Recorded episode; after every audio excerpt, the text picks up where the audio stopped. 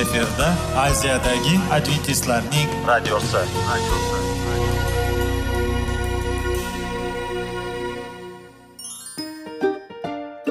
assalomu alaykum aziz radio tinglovchilar.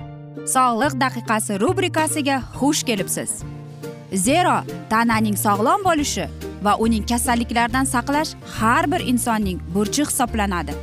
Inson uchun bebaho boylik bu sog'liq salomatlikdir. Uni asrash esa har birimizga omonat qilib berilgan. Shuning uchun ham inson o'z sog'lig'ini ehtiyot qilishi voajib amallardan hisoblanadi. Dono xalqimiz sog'liq tuman boylik deb bejiz aytmagan. Aql idroq sohibi bo'lgan inson o'z hayotini qadrlashi lozim bo'ladi. Hozirgi kunda qanchalik dori darmonlar ko'paymasin tibbiy muassa sifati shifokorlar vasiyasi tibbiy texnika yaxshilanmasin. Agar insonning o'z salomatligi haqida qayg'urmasa kutilgan natijaga erishib bo'lmaydi va biz sizlarga bizning dasturimizga xush kelibsiz deymiz.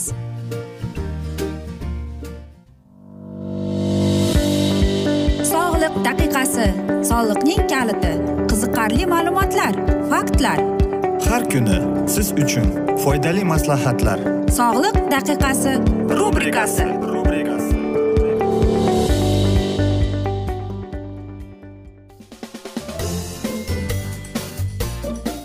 assalomu alaykum aziz radio tinglovchilar. Dasturimizga xush kelibsiz va biz sizlar bilan sog'lom ovqat degan dasturda xushvaqt bo'ling deb aytamiz va bugungi bizning dasturimizning mavzusi bu albatta qovun. Va nafaqat qovun balki tarvuz haqida balkim handalak haqida sizlar bilan suhbat o'tkazamiz. Ya'ni ularning bizga bo'lgan foydali xususiyatlari haqida. Bilasizmi qovun bizni tuzalishda yordam berib kelar ekan. Masalan agar kasal bemor kasal hech ham tuzalmayapti. Ya'ni uning taqdiri nafaqat e, aytaylik e, hazil tuzil emas lekin jiddiy taraflama uning taqdiri oddiy qovunning qo'lida.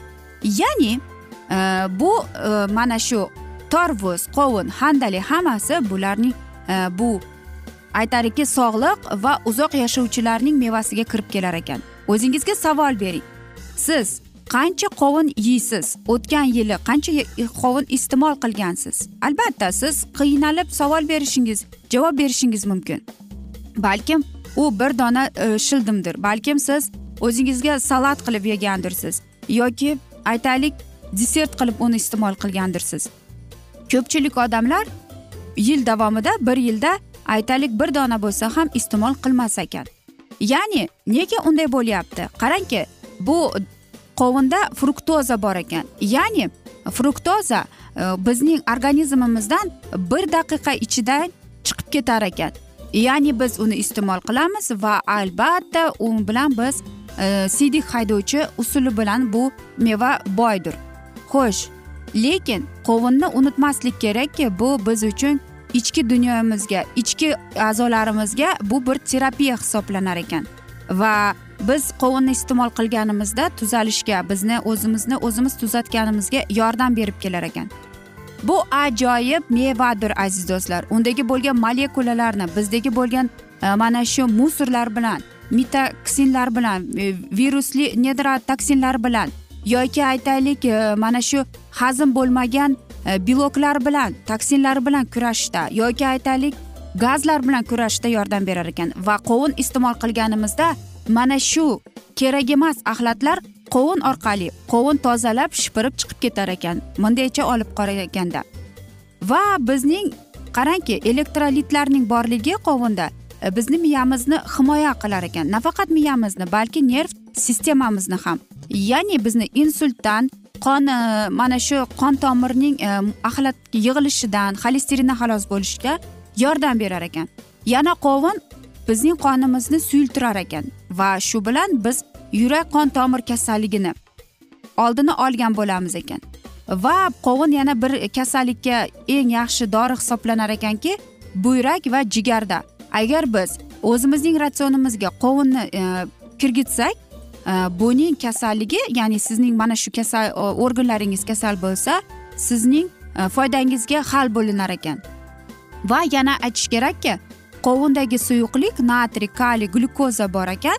Eng ko'p e, biz mana shuni iste'mol qilganimizda biz e, chanqaymiz to'g'rimi? Ayniqsa yozning kunida va qovun chanqoqni bosib kelar ekan. Va albatta bu qovun umuman olib qaraganda eng yengil taom hisoblanar ekan. Shuning uchun ham e, bizni ratsionimizda qovun albatta bo'lishi kerak ekan. Va aytishadiki bu qovunda kremniy bor ekan. Ya'ni biz o'zimizdagi kasal bo'lganimizdan keyin yoki aytaylik e, bizning suyaklarimiz mana shu tishlarimiz e, kasal bo'lsa va qovunni biz iste'mol qilganimizda bizga yordam berib kelar ekan.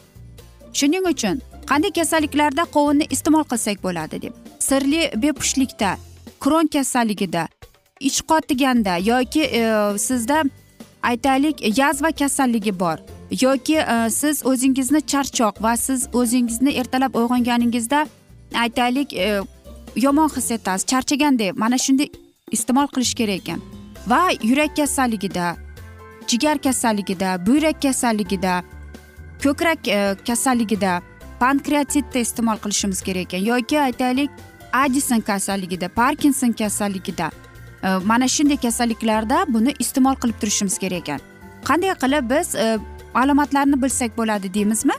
Masalan ich qochishingiz yoki oshqozonda og'riqlar bor yoki e, sizda tishlaringiz bilan muammo bor yoki siz tez qariyapsiz e, va sizda suyaklaringizda og'riq yoki buyraklaringiz belingiz og'riydi va ko'plab agar bunday olib qarasak ko'plab kasalliklarda iste'mol qilib turishimiz kerak ekan.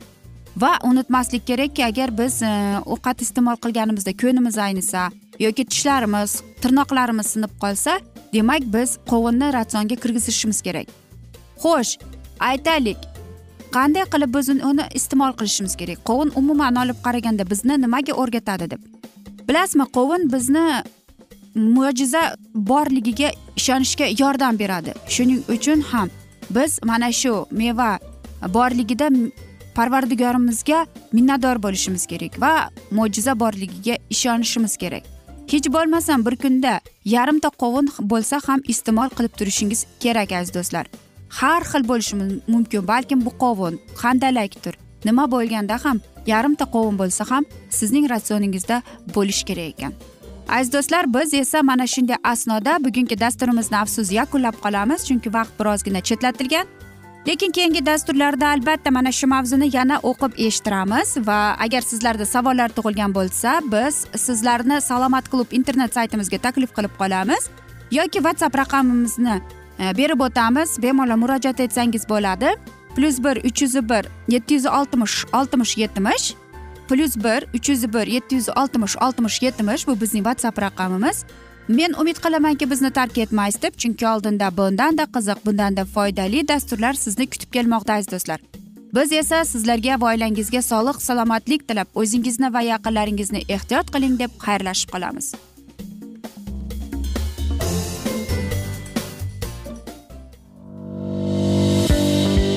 Sog'liq daqiqasi soliqning kaliti qiziqarli ma'lumotlar faktlar. Har kuni siz uchun foydali maslahatlar. Sog'liq daqiqasi rubrikasi.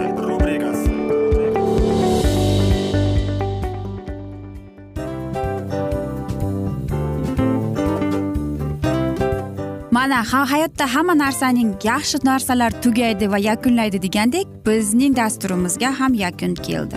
O'ylaymanki bizning dasturimiz sizga foydali bo'ldi deb aziz radio tinglovchimiz. Va siz o'zingiz uchun kerakli xulosalar kerakli maslahatlar olib oldingiz. Aziz radio tinglovchimiz biz bilan qoling va keyingi dasturlarimiz albatta undanda qiziqroq bo'ladi. Mana shu alfozda sizlar bilan xayrlashib qolaman.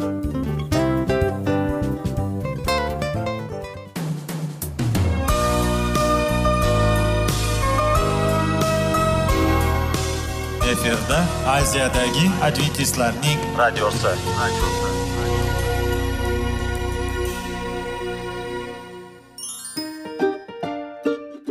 Assalomu alaykum aziz radio tinglovchilarimiz. Dil izhori dasturimizga xush kelibsiz. Pul insonni baxtli qiladimi? Albatta yo'q. Sog'liqchi? Albatta bo'lishi mumkindir. Lekin olimlar shuni isbotlashdiki to'liq va mukammal munosabatlar insonlarni baxtli qilar ekan. Albatta biz hayot davomida biz yaqin insonlar bilan odamlar bilan aloqada bo'lamiz va ular bilan munosabatlarimiz qanday kechadi qanday tuziladi? Yigit va qiz er va xotin ota ona va farzandlar va yaqin insonlar bilan. Balkim hozirgi vaqtda kimnidir hayoti yoki munosabatlari buzilyapti va bizning dasturlarimiz ularga yordam bo'ladi deb va oldinda sizlarni qiziqarli intervyular va mavzular kutyapti va biz umid qilamizki siz biz bilan qolasiz deb.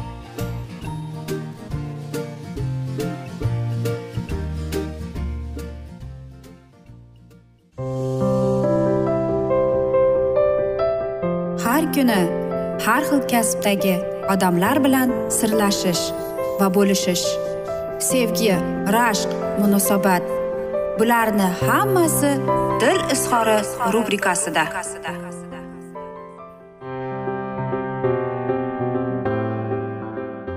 Assalomu alaykum aziz radio tinglovchilar. Dasturimizga xush kelibsiz va biz sizlar bilan izlash va ushlab qolish degan dasturda xushvaqt bo'ling deb aytamiz. Va bugungi bizning dasturimizning mavzusi er xotinini uradimi deb nomlanadi va biz sizlar bilan o'tgan galgi mavzuni yana davom ettiramiz va bu ikkinchi qismidir. Endi uradigan erlar mavzusini mana shu to'rt hayotiy pozitsiya asosida ko'rib chiqaylik. Men yaxshi hamma yaxshi. Bunday fikrlaydigan kishilar hayotda muammolarga deyarli duch kelishmaydi. Ular chaqaloqligidan mehr muhabbatga qonib yetarlicha e'tiborda o'sishgan. Kimningdir foydasiga ularni solishtirmagan muammoli vaziyatlar tushunadigan muhokama qilinagan. Kimdir jazolash e, aytaylikki ayblash ham bu guruh vakillariga yot. Shu sabab ham omadli baxtli muvaffaqiyatli bo'lishadi deyiladi. Men yaxshi hamma yomon. O'zini osmon qo'lida sanaydiganlarni bolaligidan erkalatib talpaytirib o'stirishgan. Ular faqat silash signallarni olgan tepkilar jabrini atrofdagilar tortgan. Shu bola o'zi tarbiyasiz. Sen yaxshisan o'g'lim. Ammang o'zi yomon. Yig'lama qizim. Shu tarbiyaning e, bu shaklli oqibatida bola xudbin faqat o'z manfaatlarini o'ylaydigan maqsadiga erishish yo'lida bemalol boshqalarni istaklarini oyoq osti qiladigan hech qachon xatosini tan olmaydigan doim atrofdagilarni jazolaydigan bo'lib o'sadi. Mehr do'stlikni his qilishmaydi. Sababi ota ona u bola bilan o'ynama tegin zimos deb. Bu qizni yaxshi ko'rma ota onasi yaxshi odamlar emas kabi chegaralar bilan atrofdagilar bilan munosabatni cheklashgan. Qarabsizki xotiniga tarsaki solgan erkak o'zini oqlaydi. O'zingning tiling yomon befarosat gapga kirmaydi. Shuning uchun urdim. Yoki erdan jabr ko'rgan ayol bir gapda turib oladi. Erim zolim men yomon ish qilmadim deb. Qanday chora ko'rishimiz mumkin deb savol berishingiz mumkin albatta. Turmush o'rtog'ingiz sizga qo'l ko'tardimi? Mulohaza qiling. Siz ham bunga sababchisiz aybdor emas. Aynan sababchi deyapmiz. Ellik foiz bu janjalda hissangiz bor. Toki shuni tan olib o'zingizni o'zgartirmas ekansiz. Muammongiz ijobiy tomonga hal bo'lmaydi. O'rni kelganda yonboshni e, nima uchun qo'l ko'targanning sababini topib bartaraf qilishni biling deb aytamiz. Yomon hamma yaxshi. Pozitsiyani tanlaganlar silashlardan ko'ra tepkilar ostida katta bo'lishgan. Ularni doim boshqalar foydasiga solishtirishgan. Ishni noto'g'ri qilish uchun jazolashgan ayblashgan va yomon bolaligini quloqlariga tinimsiz qo'yishgan. Barcha tengdoshlaring a'lochi sen ikkichisan. Opangning qo'lida hamma ish keladi sen nuqni nuqson deb. Bola o'zini doimo yomon sanaydi hamma narsa uchun ayblaydi boshqalarning xatosi uchun javobgar hisoblaydi. Erkaklar ota onasi ayniqsa onasining bolaligida urishganlari kaltaklari alamni xotinidan oladi o'ziga bog'langan insonni sindirishga urinadi. Men yomonmanku. Ayollar esa aybdorlik tushunchasi bilan urmaydigan erni ham qo'l ko'tarishga majbur qilishadi. O'zim xato qildimda sal muloyimroq gapirganimda ko'zim ko'karmas edi. Qanday chora ko'rishimiz mumkin mana shunday insonlar bilan? Avvalo aybdorlik hissidan xalos bo'ling. Xatoingizni tushundingizmi? O'zingizni ayblayvermang. Uni to'g'irlang. Nima bo'lgan taqdirda ham jismoniy xo'rlanishga o'zingizni loyiq sanamang. Erkaklar o'zini hurmat qilgan qadrlagan ayollarni sevishadi. Shuni unutmang. Va albatta tan olish bu mas'uliyatli. Eri uradigan ayolning oldida uch yo'l turadi. Bu yo'lga qadam qo'yishdan oldin turmush o'rtog'ining o'ng qo'liga ko'tarish unga qo'l ko'tarishni tan ola bilishi kerak. Birinchisi bu chidab ko'nib yashash. Otam ham onamni urgan qirqdan keyin ham qo'yinglar. Faqat ichgan payti uradi. Bolalarimning otasi ajrasam qayerga boraman kabi bahonalar tufayli taqdirga tan berish kerak. Va mas'uliyatdan qochish va eski hammom eski tos degani shu. Ikkinchi yo'l bu ajrashish. Mas'uliyatni ikki qarsa e, karra his qiling. Ertaga farzandlaringizga oilangizni nega asralmaganingizni tushuntirib berishingiz kezi kelganda ota bo'lib turib berishingiz kerak deydi. Uchinchi yo'l bu o'zgarish. Muammoda muammo uda o'z hissangizni borligini tan olib ayol o'zini o'zgartirish lozim. Qanday chora ko'rishimiz mumkin? Muammoni sinov deya qabul qiling. Eringizning qo'llari bilan hayot sizni o'zgartirmoqchidir balkim. Lapashang ayol bo'lsangiz dadillashingiz bir gapga o'nta qilib javob qaytarganigan bo'lsangiz tilingizni tiyishga bilan muammongiz yechim topishi ham mumkin deyiladi. Albatta bilasizmi ayrim hollarda ayollar sababchi deb ham aytib bo'lmaymiz. Erkaklarning ham e, mana shunday sababchilari bo'ladi. Qarangki e, bir so'z borki qaynonamning o'yini. Ayrim kelinlar erim bilan deydi munosabatlarim yaxshi lekin qaynonam urdirtirda deya nolishadi. Ho'p qaynonangiz zolim ekan sizni xushlamas ekan o'g'lini qizg'anar ekan sababini bilar ekansiz. U bilan munosabatlarni yaxshilang unda deb qolamiz. Qanday chora ko'rishimiz mumkin deb savol berishingiz mumkin? Qaynonangizni yomon ko'rib alamzada bo'lib yurganingiz bilan onasining ko'nglini uchun sizni jismonan va ruhan azoblayotgan erkakka insof bitib qolmaydi. Turmush o'rtog'ingizga qaynona kelin muammolarini uning aralashuvsiz ham hal qilishingizni chiroyli qilib tushuntirib va isbotlab bering. Albatta qarz ikki qo'ldan chiqadi hech qachon birovni ayblamaslik kerak. Lekin e, mana shunday vaziyatlarda aytib o'tmoqchimanki erkak ham ayol ham mana shunday nizolarning kelib chiqishiga o'zlari sababchi va ikkalasi ham e, mas'uliyatli bo'ladi. Lekin erkak kishi ayol kishiga qo'l ko'targanda bu albatta zolimlik. Bu noto'g'ri. Erkak kishi nima bo'lgan chog'ida ham o'zini qo'lda ushlab bilib turish kerak. Aziz do'stlar e, biz esa mana shunday asnoda bugungi dasturimizga nuqta qo'yamiz chunki vaqt birozgina chetlatilgan. Lekin keyingi dasturlarda albatta mana shu mavzuni yana o'qib eshittiramiz va agar sizlarda savollar tug'ilgan bo'lsa biz sizlarni plyus bir uch yuz bir yetti yuz oltmish oltmish yetmish bu bizning whatsapp raqamimiz. Murojaat etsangiz bo'ladi savollaringizni berib o'tsangiz bo'ladi va biz savollaringizga javob beramiz deymiz. Va men umid qilamanki bizni tark etmaysiz deb chunki oldinda bundanda qiziq bundanda foydali dasturlar sizni kutib kelmoqda deymiz aziz do'stlar. Biz esa sizlarga va oilangizga tinchlik totuvlik sog'lik salomatlik tilagan holda o'zingizni va yaqinlaringizni ehtiyot qiling deb va albatta aziz do'stlar seving seviling deb xayrlashib qolamiz.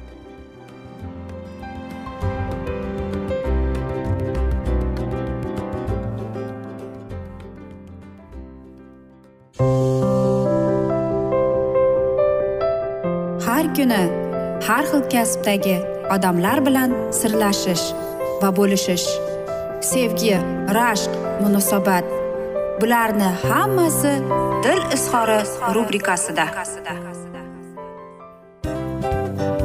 Mana aziz radio tinglovchimiz bizning go'zal va foydali va chiroyli dasturimiz yakunlanib bormoqda. Sizlarga birozgina maslahat berib o'tmoqchi edik. Bir biringizni seving qadringizga yeting va erkalang albatta bir biringizni va sizga judayam chiroyli va mustahkam munosabatlar tilab qolamiz albatta. Sevgilingiz doimo yoningizda bo'lsin. Mana shu borada sizlar bilan xayrlashib qolamiz. Xayr.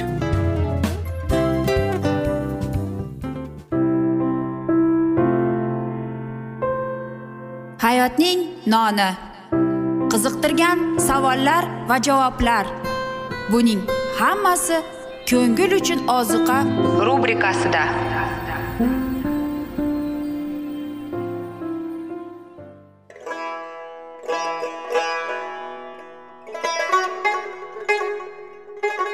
Assalomu alaykum aziz radio tinglovchilarimiz. Ko'ngil uchun oziqa rubrikasida xush kelibsiz deymiz. Siz haqiqatni izlayapsizmi? Olamnimi umidnimi siz kimga murojaat qilmoqchisiz? Odamlar ko'pincha siyosat kuchiga tayanadilar. Dunyo iqtisodiyoti holati tobora chuqurlashib bormoqda. Tabiiy ofatlar va texnogen halokatlar minglab insonlarning hayotini olib ketib juda katta zarar yetkazmoqda. Sizga abadiy hayot inomini hadya qiluvchi va hayotingizni tubdan o'zgartiruvchi haqiqatni izlab toping. Xudo haqidagi haqiqat uning kalomida mujassamlashgan. Kimki bu haqiqatni butun qalbi bilan izlasa albatta unga yetishadi. Bu sevgi xudoning tarixidir.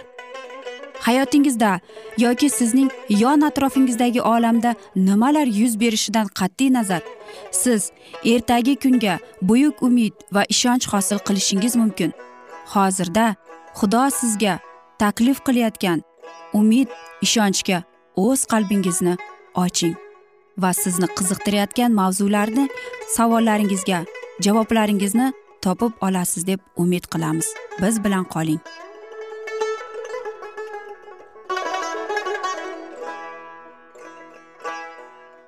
Assalomu alaykum aziz radio tinglovchilar. Dasturimizga xush kelibsiz va biz sizlar bilan ulug' otalar va payg'ambarlar degan dasturda xushvaqt bo'ling deb aytamiz. Va bugungi bizning dasturimizning mavzusi sinay tog'i etagidagi butparastlik deb ataladi va biz sizlar bilan o'tgan galgi mavzuni bugun yana davom ettiramiz aziz do'stlar. Bizning kunlarda rohatlikni sevish din dunyoni din dunyonat kiyimlarni tez tez kiyib turadi. Diniy xizmatni amal qilganda shaxsiyatparast va hisli kayf safolarga berilib zavqlanish bizning kunlarda ham qadimgi isroil vaqtida ham bo'lgan. Ko'pchilik odamlarga yoqimlidir.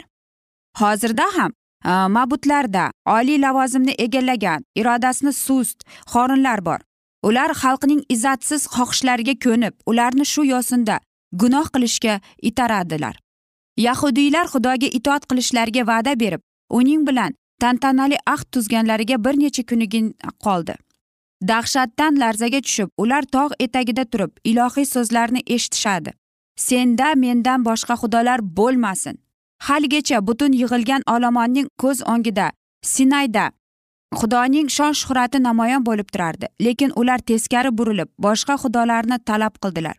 Ular xo'rib tog'ida qo'yma butni yasadilar. Buzoqqa topinib sajda qildilar. Ha yot yeydigan buqa surati bilan ulug'vor xudovandlarini almashtirdilar. Bundan katta minnatdorsizlikni namoyon qilib bo'ladimi? O'zini ularga nazokatli ota va jabbor podshoh bo'lib namoyon qilganga shunchalik haqorat qilishga jasorat ko'rsatish mumkinmi? Tog' tepasida bo'la turib muso manzilda yuz bergan chekinish to'g'risida ogohlantirildi va darhol qaytib tushishga buyruq oldi. Tushishingga shoshil dedi unga xudovand zero sen misrdan chiqargan xalqning shahvoniy hirsga berildi. Men bergan amrlarimdan ular tezda boshini tortdilar. O'zlariga buqa qo'yib unga sajda qildilar. Xudo eng boshidan isyonga qo'lini qo'yar qodir edi. Lekin norozilik avj olib kengayishiga imkoniyat berib u shunga yetishdiki toki xiyonatchi va chekinishlarga berilgan jazodan har bir kishi o'zi uchun kerakli dars olsin edi. O'z xalqi bilan bog'langan ilohiy ahd nohaq bo'lib qoldi va xudovand musoga e'lon qildi. Xulasi kalom meni qoldir. Mening g'azabim ularga alangasin. Ularni qirib tashlayman va sendan ko'p sonli xalq vujudga keltiraman. Isroil xalqi va aynan ajanabiylar doimo xudoga qarshi qo'zg'olishga tayyor turadilar. Ular doimo o'z dohiysiga qarshi chiqib shikoyat qiladilar. O'z imonsizligi va tersligi bilan doimo uni ranjitadilar. Va ularni nazr atalgan yerga olib kelish uchun juda og'ir sinov bo'ladi. Va shularni xudovand ko'rib turardi. Ularning jinoyatlarini isroilliklarni ilohiy iltifotga yetishgan huquqdan mahrum etdi. Va haqqoniylik ularning nobud bo'lishini talab qilardi. Shuning uchun xudo ularni qirib tashlab musodan qudratli xalqni yaratishga taklif etdi. Meni qoldir ularni qirib tashlayman. Xudovandning aytgan so'zlari musoning qulog'iga yangradi. Agar u isroilni qirib tashlamoqchi ekan uning tarafini kim oladi? O'zlari gunoh qilib jazo olishga qozongan bo'lsalar kim shu fursat e, bilan foydalanmas? Albatta kim g'amxo'rlik va o'zidan kechib xizmat qilgan paytda javoban faqat shikoyat qilishni va minnatdorsizlikni olgan paytda xudoning o'zi ozodlikni taklif qilganida og'ir mehnatga to'lgan hayoti o'rniga hurmatli asoyishta hayotni tanlamas ekan. Lekin faqat ko'ngilsizlik va qahr g'azabining zulmati bo'lishi to'yilgan joyda muso umidning sal ko'rinadigan nurchani tutdi. Meni qoldir dediga qoldir degan so'z ilohiy so'zda u faqat g'azabginani eshitmay o'zi suyanchiq bo'lishiga imkoniyat topdi. Faqat musoning murojaati isroilni qutqara oladi va faqat xudoning iltimosi tufayli xudo o'z xalqini ayaydi. U o'z xudoyi xudovandiga iltijo qilib dedi. Ey xudovanda sen misr yeridan buyuk kuch qudratining va qattiq qo'lining bilan olib chiqqan o'z xalqingga g'azabning yonmasin. Albatta aziz do'stlar xudo o'z xalqini tark etganini musoga aytadi. U isroil yeridan chiqargan xalqning seniki deb aytadi. Yoki qarangki isroil ustidan rahbarlikdan kechadi. Ular uning xalqi emas balki sen misrdan yeridan buyuk kuch qudratining va qattiq qo'lning ila chiqargan xalqingku deb javob qaytaradi. U yana takrorlab deydi agar misrliklar ularni tog'lar orasida o'ldirish uchun yer yuzidan qirib tashlash uchun nobud qilish uchun chiqargan desalar nima bo'ladi? Bir necha oy mobaynida isroil misrni qoldirib ajoyib xalos topgan degan xabar atrof tevarakni xalqlar ichida tez tarqaldi. Ularning ustiga kelayotgan xavfdan majusiylarni qo'rquv va dahshat qurshab oldi. Isroil xudosi o'z xalqi uchun nimalar qilar ekan deb hamma kutar edi. Shuning uchun isroilliklar nobud bo'lmasin chunki teskari bo'lsa ularning dushmanlari tantana qiladilar. Xudoning ismi esa oriyatsizlanadi. Shunda misrliklarning ta'na qilishlari to'g'ri chiqadi. Ularni sahroga qurbon keltirish uchun chiqarmay u o'zlarini qurbon qiladiyu isroil xalqining gunohlari nimadan iborat bo'lganini majusiylar tushunmaydilar va butun olamga dongi ketgan xalqning nobud bo'lishi uning muqaddas ismini qoralaydi. Xudovand shunchalik ayrib o'z ismini yer yuzida oliqlash uchun ijozat berganliklarning ustida qanday buyuk mas'uliyat bordir? O'zlarining ustiga xudovand hukmini jalb qilmaslik uchun xudovand ismiga nisbatan majusiylar haqoratini uyg'otmas uchun ular gunohidan naqadar ehtiyot bo'lishlari kerak edi. Aziz do'stlar mana shunday asnoda esa biz bugungi hikoyani yakunlab qolamiz. Biroz vaqt chetlatilgan afsuski lekin keyingi dasturlarimizda albatta mana shu mavzuni yana o'qib eshittiramiz. Va sizlarda savollar tug'iladi aziz do'stlar. Agar shunday bo'lsa biz sizlar bilan whatsapp orqali e, suhbatimizni davom ettirsak bo'ladi. Plyus bir uch yuz bir yetti yuz oltmish oltmish yetmish va biz sizlar bilan xayrlashib qolamiz. Oilangizga va albatta tinchlik totuvlik tilab o'zingizni va yaqinlaringizni ehtiyot qiling deb xayrlashib qolamiz.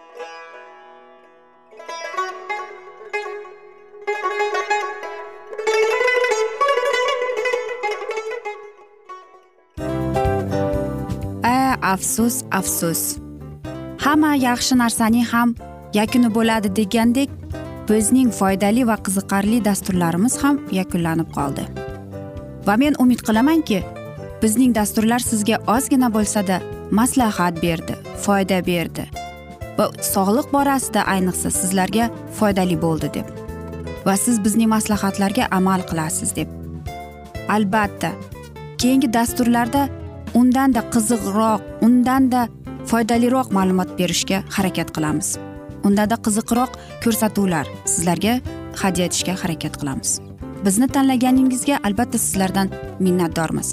Sizlarga baxt omad va sog'liq tilab qolgan holda mana shu alfozda sizlar bilan xayrlashib qolamiz.